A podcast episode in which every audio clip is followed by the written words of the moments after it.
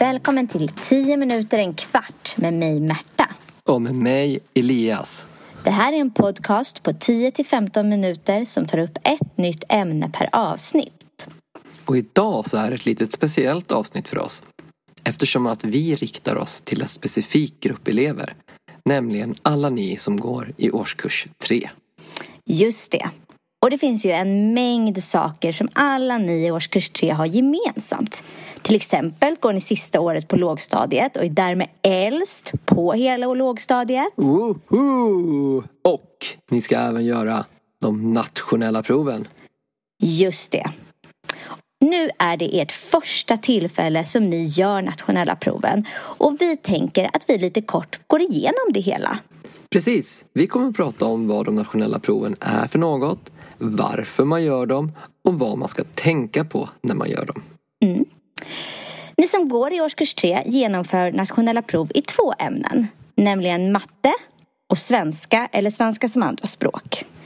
I både matematiken och svenskan genomför ni flera olika prov och din lärare eller dina lärare, om du har olika, planerar in när ni ska göra de här olika proven. Vissa prov, till exempel läsförståelse och skrivprov, de är rätt långa, lite mer än en timme.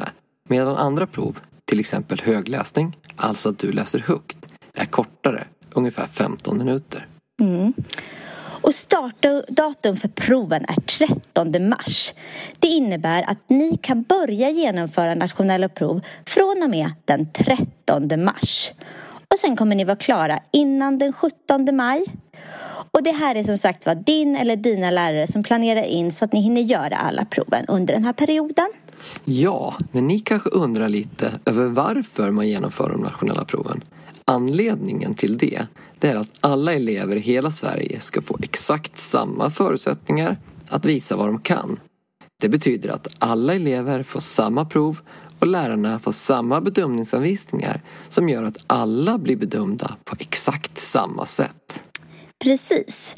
Och så kan läraren sen se om någon eller fler elever behöver lite extra stöd i vissa delar i de här ämnena. Ja, och det är både bra och jätteviktigt att lärare får information i om det är så att man som elev behöver lite extra stöd. Mm. Men du, det är ju ganska många elever som har speciella anpassningar i skolan.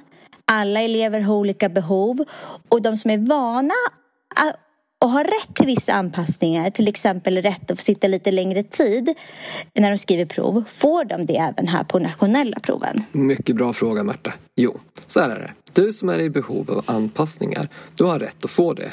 Så om du brukar få anpassningar när du gör vissa saker i skolan, då kan du prata med din lärare och se om du kan få det även under det nationella provet.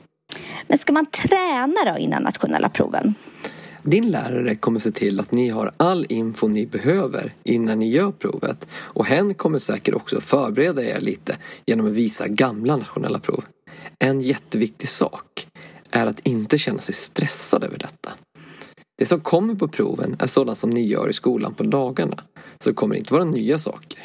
Om du är stressad eller orolig tycker jag du ska prata med din lärare om det och så kan hen hjälpa dig med det som stressar och oroar dig. Det är ju jättebra tips. Andra tips är att vara utvilad, se till att du har ätit en ordentlig frukost eller lunch innan provet och att du läser uppgifterna noga och att du helt enkelt gör ditt bästa. Verkligen. Och kom ihåg att ta det lugnt. Heja alla er i årskurs 3. Det här fixar ni galant.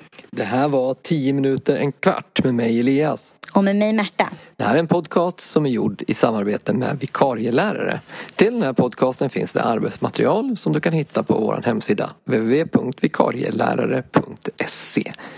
Du går in under fliken för lärare och loggar in med lösenordet vikarielärare. Den här podden hittar du i våra sociala kanaler. Vi finns på Facebook som vikarielärare. Gå in och gilla oss. Vi finns på Instagram som vikarielärare. Gå in och följ oss. På Facebook har vi också gruppen Lärarnas kunskapsbank där jag tycker att du ska bli medlem. Och på Instagram har vi också sidan Lärarnas kunskapsbank. Den som jag tycker att du ska följa. Den här podcasten finns även på Spotify och i iTunes. Se till att prenumerera. Det var allt för oss. Tack så mycket. Hej då!